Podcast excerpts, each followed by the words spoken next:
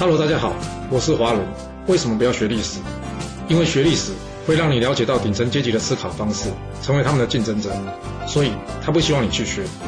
还有学历史会让你看到许多前人成功及失败的案例，你的竞争对手想要好好的睡个觉，所以他也不希望你去学。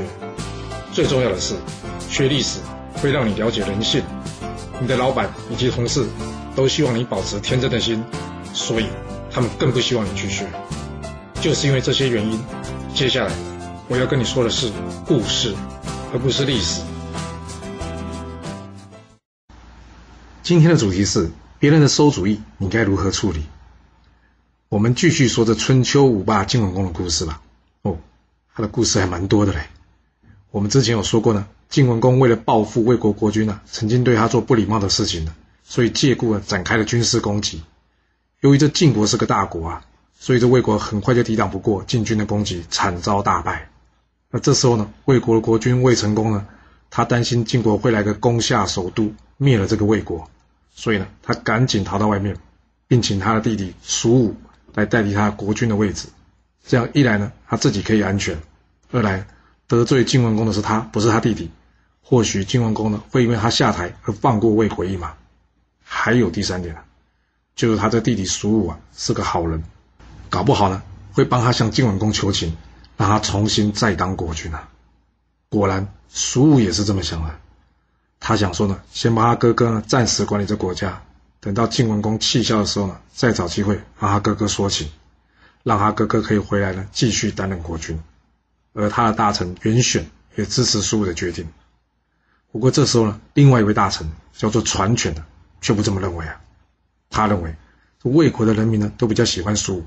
而讨厌他这哥哥未成功，所以他建议这袁选啊，袁选啊，你应该是去跟蜀武说啊，要他呢请晋文公直接确认他的国君的位置嘛，这样子蜀武就可以成为正式的国君了。而一旦蜀武成为正式的国君，袁选你自己不就可以担任宰相了吗？这样不仅是对他们两人好，而且对魏国也好啊。袁选听完这话之后呢，他回答传选了：“哎呀，这是蜀武的决定啊。”他既然已经决定要帮他哥哥，我想这个话就别再说了。毕竟呢，这魏成功目前还是真正的国君啊，这些话有造反的意思啊。那你觉得传犬会怎么处理这件事啊？传犬在听完袁选要他不要再乱说这些造反的话之后呢，他心里想：哦，要是哪天魏成功真的回来，这袁选一不小心将今天的事情说出去，那不就死定了吗？因为。这魏成功可是出了名的小人呢，好吧，就算袁选不说吧，但是总是有个把柄在袁选手上吧。想来想去，他决定怎么样？先下手为强啊！他呢，自己跑去找这魏成功，当面将这个事啊来个颠倒黑白。果然，经过他一番胡说八道之后啊，这小人国君魏成功啊，开始对他弟弟苏武。以及大臣袁选产生了怀疑。虽然最后呢，魏成功真的在这苏武的帮助之下呢，重新回到魏国担任国君，但可怜的苏武及袁选呢，却被这疑神疑鬼的魏成功给害死了。故事听到这，你会觉得苏武跟袁选真的好可怜啊？好心换来了驴肝肺啊！不过，这就是我常常说的，要做聪明的好人。由于好人不会用坏人的思考方式，所以常常无法预判这些坏人到底有多坏。通常好人的想法是，人应该没有这么坏吧？但就是这样的念头啊，让坏人常常奸计得逞啊。我们可以来看看，同样生在春秋时期，也就是春秋五霸中，齐桓公的宰相管仲怎么样处理这样的事情。一次呢，齐桓公在召集天下诸侯开会的时候呢。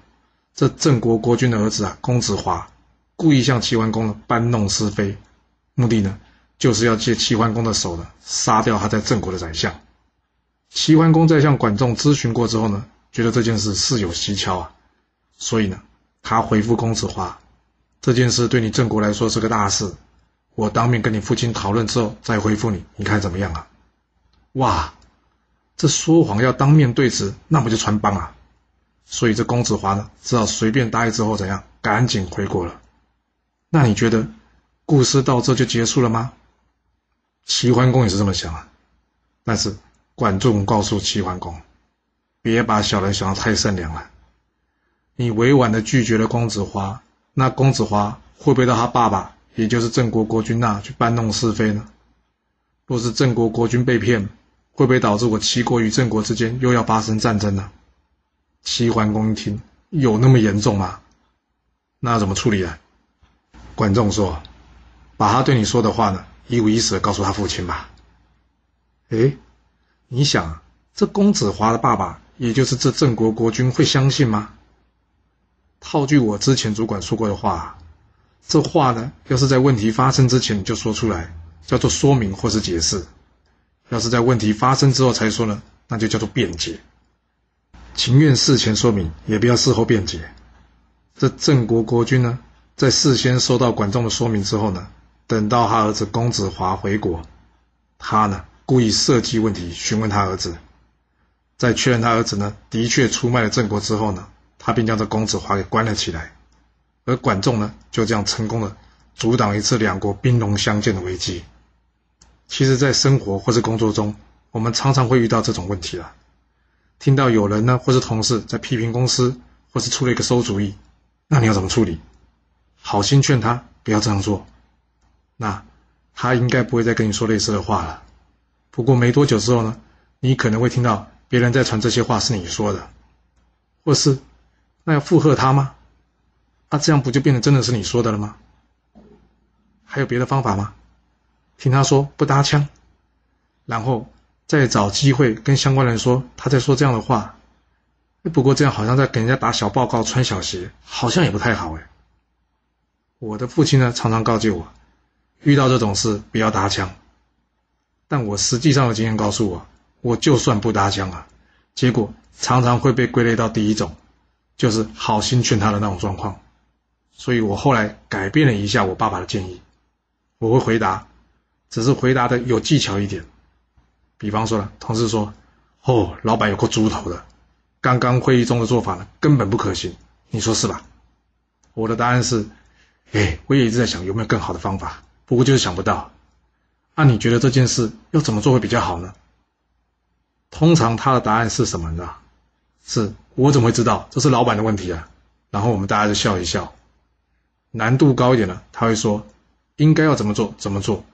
那我会接着问啊，嗯。这也是种方法，哎，你是怎么想到的？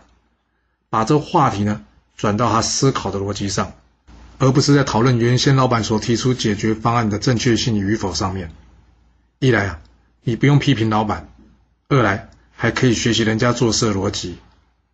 我这方式呢，仅供参考，它不见得是最好的方法，因为这实际上发生状况啊，种类太多了，无法一一说明。有时候啊，你会觉得根本是在考脑筋急转弯啊。不够时间来思考如何回答，但有一个原则说出来或许对你有帮助，那就是呢，对待好人你可以用善良的方法，那对待小人呢，你就得比他还更小人，就像上面管仲处理问题的方式一样，你说是吧？若是你有其他的想法，也欢迎你留言给我哦。